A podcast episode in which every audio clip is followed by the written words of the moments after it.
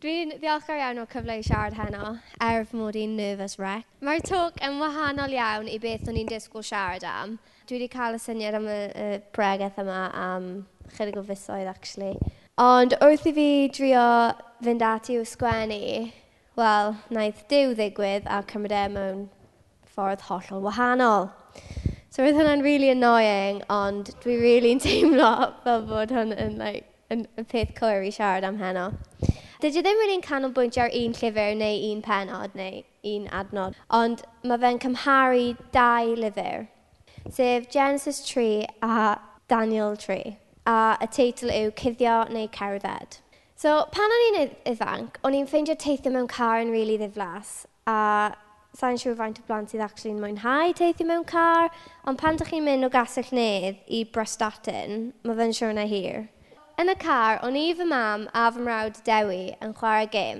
Rwy'n gweld gyda fy llygau bach i. Classic.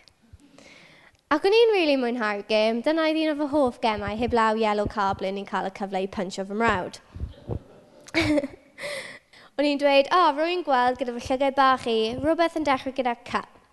A dyma fy mam a fy mrawd yn enwi pob peth yn dechrau gyda cut. Car, coeden, craig, cloc, ci ac yn y blaen. So mae hwn yn mynd ymlaen am rai funudau a maen nhw'n redeg allan o bethau i ddweud. Yn y pen draw, maen nhw'n dweud, Larry, beth yw gair? Dyn ni ddim yn gallu gesobedio. A dwi fel, yes, dwi di ennill. Dyn nhw ddim yn gallu difalu fy ngair. A dwi'n dweud beth yw gair? Ffenest. Nawr, dwi ddim yn siŵr sut ydych chi'n sillafu ffenest, ond dwi ddim yn dechrau dy cap. O'n i'n dweud y gair anghywir yn bwrpasol achos o'n i eisiau ennill y gêm, Oedd mam yn meddwl bod fi jyst ddim yn gallu sillafu, ond o'n i'n gwybod sut i sillafu, o'n i tua wyth. Ond o'n i ddim yn barod i roi'r pwer yna, y pwer o rhywun arall yn dyfalu be ni'n dweud, be ni'n meddwl, i rhywun arall. Nid hyd yn oed aelod o fy nheulu. O'n i jyst ddim moyn. Ac o'n i'n blentyn, so ni'n cael get away dy fe. Wel, fel pobl, rydyn ni'n chwilio am bwer mewn pob math o bethau. Swydd, fel gwlad, yn un rhyw, sut yn ni'n edrych, yn gymdeithasol a mae'r rhestr jyst yn ddiddiwedd. Rydyn ni hyd yn oed yn ceisio gael trwy dadlau neu fel fi trwy ennill. Dwi'n really competitive hefyd, mae Rod dwi'n gallu testo hynna. Dwi was yn trio twyllio'n cic ar dalem, oh well. Dyma rhywbeth sydd yn ein calonau ers y dechrau. Rydyn ni wastad wedi ceisio cael pwer. Mae'r pwer yna'n wahanol i bob unigolyn. I rai mae e mewn chwaraeon, fel Elliot, neu i eraill mae fe fe mewn gwleidyddiaeth, rai arian, eiddo hyd yn oed, neu fel adda ac efa roedd e mewn gwybodaeth. Roedd chwant am bwer yn y, yna yn y dechreuad, a mae'n rhywbeth rydyn ni fel pobl am frwydro hyd ein diwedd ni. Dyma pwerau'r byd, yn yr union bethau sy'n ein rhwystro ni. Mae rhai, yn gallu, uh, mae rhai pwerau yn gallu bod yn fendydd, fel arian, Ond unwaith rydych yn ceisio amdano, rydyn ni mewn safle peryglus iawn o golli golwg o ddew. Dyn nhw ddim hyd yn oed o unrhyw werth. Dyn nhw ddim yn mynd yn ni unrhyw le. Dyn nhw ddim yn dod gyda ni i'r nefoedd. Maen nhw jyst yn aros fan hyn. Maen nhw'n ddiwerth. Ond dyn ni'n rhoi'r pwer i'r pethau bydol yma ein rheoli ni tro ar ôl tro. Mae'n dweud yn 1 Ioan 2.15, fyna.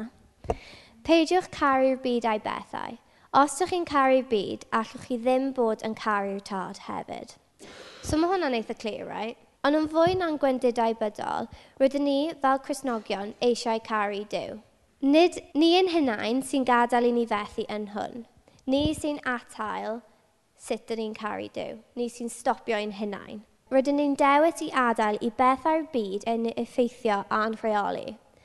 Yn anffodus, dydy e ddim mor hawdd a just peidio gadael iddyn nhw. Mae'r stwff yma o'n hamgylch ni, pryd bynnag a ble bynnag gyda ni, hyd yn oed yn y cabl yma nawr. Dyn ni ddim yn gallu dianc ohonyn nhw. A dyn ni ddim yn berffaith chwaith, felly rydyn ni'n mynd i'w galen anghywir. Dwi'n gwybod fod mod i trwy'r amser. Ond y peth pwysig, pan rydyn ni'n ei gael yn anghywir, fel mae'r adnod yn ei ddweud, yw caru'r tad. Rydyn ni, neu dylen ni, garu'r tad yn fwy na'r pethau yma. Mae'n her i wneud ar adegau gyda rhai pethau sy'n digwydd yn y byd, ond dyla'r caru'r tad ddod yn gyntaf trwy'r adeg. Sydd ddim yn golygu yn bod ni'n ymddwyn yn berffaith, byddwn ni byth yn berffaith, ond pan rydyn ni'n gwneud pethau'n anghywir, mae wastad ffordd i garu'r tad. Pan groesoliwyd Iesu, profodd bod ei gariad ato ni a'r pwysigrwydd yn cael ei mewn perthynas gyda Dyw – yn fwy pwysig nag unrhyw beth arall yn y byd. Dyna'n syml pam ddaeth e, a'r ffordd gorau rydyn ni erioed am gael ein caru. Roddodd ei fywyd i ni fel ffordd o ddangos ei gariad. Ond sut ydyn ni'n gallu dangos cariad o'r fath raddfa yn ôl at Dyw pan dydyn ni, fel pobl, methu ei ddeall na ei ddehongli'n llawn?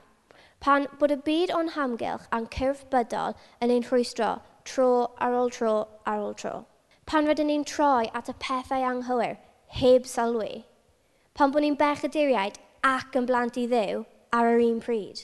Diolch byth, dim rhaid i ni farw ar y groes er mwyn dangos i ddew ein bod ni'n ei garu. Mae Iesu wedi gwneud hwnna dros ni. Diolch byth. Ond un ffordd o'i ddangos yw trwy bod yn vulnerable o flaen dew. Pa le gwell i ddechrau nag ar y dechrau gyda Adda ac Efa? Rydyn ni'n gwybod y hanes, wnaeth nhw fwyta'r ffrwyth, er bod Dyw wedi dweud nhw i beidio, ond dwi ddim yn canolbwyntio ar hwnna. Dwi am ganolbwyntio ar beth ddigwyddodd nesaf. Daeth ddew i'r ardd a gofyn, ble wyt ti? Mae Dyw yn gwybod popeth. Doedd dim rhaid i Dyw ofyn hwnna o gwbl. Roedd e'n gwybod yn union ble oedden nhw. Roedd e'n gwybod yn iawn. Roedden nhw'n cuddio gan eu bod nhw, quote, Yn sydyn yn gweld pob peth yn glir a sylwi ei bod yn noeth. Na be mae fe'n dweud yn Genesis 3 adnod 7. Eithon nhw yn erbyn beth wedodd Dyw, ac roedd yn well ganddyn nhw guddio ohono na mynd o'i flaen ac ymddeheiro. Roedd cywilydd arnyn nhw. Dyna ddau person cyntaf erioed y byd, y ddau sydd wedi cyfarfod â Dyw yn cuddio. Does dim syndod i'n bod ni fel pobl yn mwynhau cuddio cymaint. Mae fe yma o'r dechrau. Rydyn ni'n chwarae gemau fel hide and seek pan dyn ni'n blant, a dyn ni'n siomi pan dyn ni'n cael ein ffeindio. Wel o'n i be bynnag. Hyd yn oed fel oedolion, dyn ni'n chwarae peekaboos, the babies. A mae'r babi'n mwynhau, achos, wel, maen nhw'n mwynhau cuddio. Mae'n graidd i ni, mae'n naturiol. Achos mae rhyw fath o ddiogelwch neu dyn ni wedi cael ein dysgu bod rhyw fath o ddiogelwch yn cuddio. Rydyn ni'n cuddio tu ôl i bethau dros dro y byd fel arian. Ond chi'n gwybod be? Hyd yn oed pan dyn ni'n cuddio, mae Dyw yn rhoi cyfle i ni fynd ato. Fel gwnaeth e gyda adda ac efa. Ble oed ti? Yr eironi yn y stori yw bod Adda ac Efan meddwl eu bod yn gweld popeth yn glir. Doedden nhw ddim. Os oedd nhw'n gweld popeth yn glir, ydych chi wir yn meddwl sy'n nhw'n cuddio o ddew? Dwi ddim. Roedden nhw'n gweld popeth allanol yn glir, efallai, ond yn sicr nid y tu fewn. Ond Dyw sy'n gweld hwnna'n glir, mae'n gweld ni'n glir ac yn noeth bob amser. Does dim rhaid ni guddio, a mae mwy o ddiogelwch yn ddo ef na tu ôl i blanhigyn neu shrub neu bush neu be bynnag o'n nhw'n cuddio tu ôl wedi gorchuddio gyda'i ofn. Pan rydyn ni'n cuddio, fel sy'n reddfol i ni, be mae Dyw yn gwneud? Ydy e'n gwylltio? Ydy e'n bygwrth ein lladd mewn dicter? Na. Mae'n gofyn, ble ydyn ni? Mae'n rhoi'r cyfle i ni fynd ato. Mae eisiau i ni fynd ato. Mae'n gofyn ac yn aros tan ein bod ni'n barod i fynd ato er i fod yn gwybod yn union ble ydyn ni. So fe'n hawdd yn gallu troi at ni a dweud, ti di wneud hwn, pam? Ond dio ddim. Dio na ddim yn gariadus, a diw yw cariad. Mae hwnna'n rhoi bai, mae mae Iesu wedi cymryd hwnna dros ni. Dyma ymateb Dyw pan dyn ni'n cuddio. A nawr dwi am sôn am ymateb Dyw pan dydyn ni ddim. Yn Daniel 3, Adeiladodd Brenin Nebuchadnezzar, dwi'n mynd i alw yn Brenin Neb, achos mae hwnna'n rili really anodd i ddweud, ddelw i'r bobl addoli. Os oedd unrhyw un yn gwrthod, roedden nhw'n ta roedden taflu'r bobl oedd yna i'r tân. Gwrthododd Siadrach Meshach ac Abernego, a heriodd y brenin ei diw nhw, ein diw ni. A tebodd y tri wrth ddweud, bydd ein diw ni yn ein diogelu, ac os dydy o ddim, dydy o ddim werth i ni addoli'r ddelw yma, nid dydy Dyw ddim, ddim werth i nhw. Digiodd y brenin a naeth y e gynhesi'r tân. Roedd y tân yma nawr mor gynnes a roedd y milwyr oedd yn tywys y tri ato yn marw wrth y tân. Ond dyma'r tri jyst yn cerdded i mewn, sefyll yn y tân, ddim llosgu, a nhw'n ffain. Ond, yn y ffurnes, roedd y tri yn hollol saff. Ymddangosodd pedwerydd bod, un diwiol, a sylwodd y brenin ar hwn a gorchymyn iddyn nhw ddod allan. Doedd dim llos garnyn nhw, dim llwch na ddim hyd yn oed arogl tân, a mae tân yn drewi, ond doedd dim byd. Y pwynt yw, wnaeth nhw ddim cuddio o'r peth cywir i'w wneud. A'r canlyniad? Gofalodd Dyw amdano nhw. Wnaethon nhw sefyll yn erbyn ei brenin a dros ei Dyw er bod nhw'n gallu colli eu bywydau, a roedd Dyw wedi gofalu. Iawn, mae'r ddau achos yn wahanol, achos Adda ac Efa oedd di pechu, a nid Siadrach Mesiach ac Abernego oedd wedi pechu. Ond yng nghymuned Brenin Neb, ydych chi'n meddwl byddai Adda ac Efa wedi plygu i'r ddelw? Wnaethon nhw gyd yn ffurfio wrth fwrt ar afal. Oce, okay, ie, yeah, roedd y serff yn ceisio eu perswadio nhw ond wnaethon nhw ei wneud.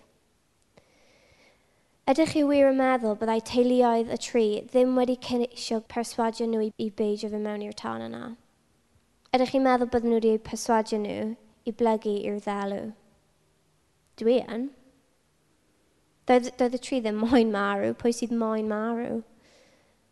Doedd ei teuluoedd a'i ffrindiau ddim eisiau nhw farw chwaith, ond roedd y tri'n grif, Doedden nhw ddim wedi gadael i'w meddyliau gael eu perswadio. Wnaeth nhw ddweud wrth eu teuluoedd, Mae'n well gen i farw na phlygu i'r ddelw a cael byw gweddill fy mywyd gyda chi. Dychmygwch dweud hwnnw wrth eich rhieni a'ch teulu. Dychmygwch bod mor grif â hynny i allu troi eich cefnau ar hwnna i ddew. Dwi ddim yn siŵr os dwi hwnna ddim yn feiblaidd, ond dyna snor fe yn pen fi. Cuddiodd Adda ac Efa o ddew, pan Dyw oedd ei unig teulu. Be ydych chi'n meddwl bydden nhw wedi gwneud os oedd teulu bydol dyn nhw? Rydyn ni'n ddigon ffodus i beidio bod mewn glad ble rydyn ni'n gallu colli ein bywyd oherwydd ein ffydd. Ond os oeddwn ni yn y sefyllfa, byddwn nhw'n cuddio fel adda ac efa, neu byddwn ni'n ceisio bod fel Siadrach Meshach ac Abednego? a gwrthod er mwyn gwasanaethu, a charu ein dew yn y ffordd gorau bosib. Mae'r pwerau yma, y rhai bydol, yn gyfforddus i ni. Achos dyma'r byd, dyma'r byd yn ni'n rhan ohono, dyma byd yn ni'n gwybod. Ond gad i mi ddweud hwn wrthych chi nawr, ffrindiau. Dydy cyfforddusrwydd er mor neis ddim yn dod â clod i ddew. Mae'n ein rhoi ni mewn perygl mawr iawn o golli golwg ohono a stopio gwneud yr hyn rydyn ni fel plant iddo fod gwneud. Y peth cyfforddus yw tri wneud, fyddai bod wedi gwrando ar ei teuluoedd a jyst plygu i'r ddelw yma. Ond nid dyna be mae Dyw yn ein galw ni i wneud. Rydyn ni'n ceisio bod fel Iesu. Naeth Iesu blygu? Dwi eisiau plygu at Ddew, mynd ble mae fe'n dweud wrtha i fynd. Fel gwnaeth Daniel wrth fynd i Babylon, lle hollol diarth, doedd e ddim hyn oed yn gwybod yr iaith, ond aeth achos roedd Dyw yn dweud wrtho. Neu Noah a clywed Dyw yn creu, a creu arch oherwydd gair Dyw, er bod pawb wneud dan seilio gwneud sport yn ei ben. Neu Abraham yn ddigon parod i lladd fy mab, gan taw dyna beth mae Dyw moyn i fi wneud. Neu Iesu yn barod i gael fy hoelio i groes o flaen gynnyll lleidfa. Heblaw Iesu, stym un o'r bobl yma'n berffaith, yn union fel ni. Un peth oedd ganddyn nhw'n gyffredin oedd doedd ddim un ohonyn nhw wedi cuddio o ddew. Buon nhw'n barod i edrych fel ffwl a hyd yn oed marw drosto. A tro ar ôl tro, dangosau Dyw i ni ei fod yn gofalu amdano ni mae ond rhaid ni fynd ato. Roedd hyd yn oed wedi gofalu am adda ac efa, wedi iddynt bechu. Gallai e wedi ei lladd yn y fan a'r lle, naeth e ddim. Caws nhw kick-out, ond roedd dal lle dyn nhw i fynd. Roedd Dyw dal di darparu iddyn nhw er bod wedi cosbi nhw ar un pryd. Os ti'n ddim yn dangos bod Dyw yn darparu, dwi'n gwybod beth sydd. Roedd oedd gyfle iddyn nhw fynd ato, Ac yn y bôn, yr unig beth oedd rhaid iddynt wneud oedd ffeindio tŷ newydd. Roedd ganddyn nhw le i fynd o hyd, dangosodd ddew gras atynt pan nad oedd angen. Dyna'n union sut mae e gyda ni. Mae'n ein gweld ni yn noeth, hyd yn oed pan dyn ni'n cuddio. Felly, beth ydyn ni wir yn ceisio cyflawni wrth guddio? Yn sicr, nid rhoi gygoniant i ddew, Mae ganddyn ni fraint o gael gofalwr ac achubwr mewn un. Stym angen cuddio. Dewis yw cuddio. Ofn yn ein rhwystro. Ni ein hunain yw ein rhwystrodigaeth mwyaf. Ydyn ni'n barod i newid? Ydyn ni'n barod i groesawu Dyw i gornelu tywylla ein bodau? Mae hynny'n barod ond trwy wneud hwn, rydyn ni'n gallu dangos ein carad yn llawn at ddew. Ac ond bryd hynny, byddwn yn gallu dod â gwir goleini Christ i'r byd, y goleini pyr, ein dewis neidio. Mae mwy o bobl yn dod yn grisnogion bob dydd. A rydyn ni'n gwybod hyn oherwydd cyfrifiadau, y cyfrifiadau a niferoedd sy'n mynychu capelu a chynhadleddau. A maen nhw'n dweud bod nhw'n grisnogion. Ond pa mor wych bydde fe, os oeddwn ni'n gwybod bod Cresnogaeth yn tyfu, nid trwy headcount, ond trwy weld y newid mewn cymuned. Trwy teimlo, o, mae rhywbeth gwahanol fan hyn. Trwy fynd yn hytrach na dod. Trwy weld Dyw yng nghanol dre neu mewn tafar neu yn y castell. Y tu allan i bedwar wal capel. Dychmygwch cymuned yn llawn siadrachs, mesiachs a gabernegos. Yn gwneud beth sy'n iawn yn ôl Dyw, dyn ni'n gallu dysgu faint bynnag dyn ni moyn mewn capel, wrth dreulio amser gyda'n gilydd, fel cymuned. Ond pa werth ydy o os nad ydyn ni'n mynd at y bobl fel gwnaeth Iesu? Os nad ydyn ni'n dangos ac yn agored am beth nad ydyn ni'n meddwl sy'n iawn – Os ydyn ni'n gwneud safiad yn erbyn confensiynau'r byd, be ydych chi'n meddwl bydd yn digwydd? Mae Dyw yn gofalu. Ydych chi'n cofio pob peth wnaethoch chi ddysgu mewn profion ar gyfer profion ysgol neu aroliadau? Dwi ddim. Ydych chi'n cofio pob pregeth ydych chi wedi clywed? Dwi ddim. Dwi'n cwmpo i gysgu weithiau, falle bod chi nawr. Mae hwnna'n ffain. Na, dyn ni'n anghofus. Rydyn ni'n bobl mewn byd sy'n gallu rheoli ein meddyliau. Ond ffrindiau, y cyfieithiad Cymraeg am vulnerability yw gwendid.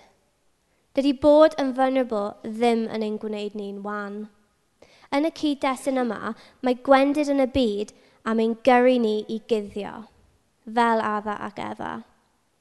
Ond mae gwendid gyda Dyw, mae hwnna'n gryfder yn erbyn y byd.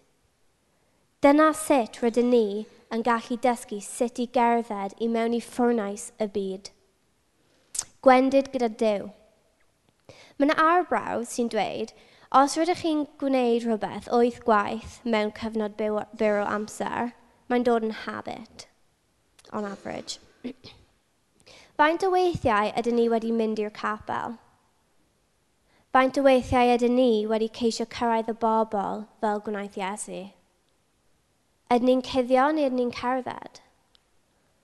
Hoffwn ni sefyll yma a dweud fy mod i fel siadrach mesiach ac abernego, ond mae'n bechod i ddweud celwydd. Dwi ddim. Hoffwn ni fod rhyw dydd, yr eiliad yma os dwi'n gallu, ond dwi'n ofni fy mod i llawer mwy fel adda ac efa nag hoffwn i gyfaddau. Dwi'n cuddio yn llawer rhy aml. Dwi'n barod i beidio bod, Dim ots pa mor hir mae'n cymryd, ond, dwi'n medd ond dwi ddim yn gallu sefyll yma o'ch blaeniau a peidio bod yn real gyda chi. Falle bod Dyw yn siarad gyda chi heno. Neu falle mae Dyw wedi rhoi hwn ar fy nghalon i a dwi wedi bod yn treithi am bron 20 munud just i fi fy hun. Si hwnna ddim yn fy syni, mae Dyw yn ddoniol iawn weithiau. Ond bydd Dyw gyda ni ble bynnag. Cuddiodd Adda ac Efa oddi wrtho, a daeth e dal i chwilio amdanyn nhw. Parhaodd i ddangos cariad atynt, gan beidio ei lladd yn syth a darparu tir iddynt fynd i, pan gaws nhw cegaw. Mae'n rhaid i ni fod yn barod i rhannu ein gwendidau gyda Dyw. Achos os dydyn ni ddim, mae hwnna'n fwy o bwer i'r byd, a mae'r byd yn llawer ddigon pwerus fel mae. Yr unig gryfder sydd gyda ni yn erbyn y byd yw gwendid gyda Dyw. Amen.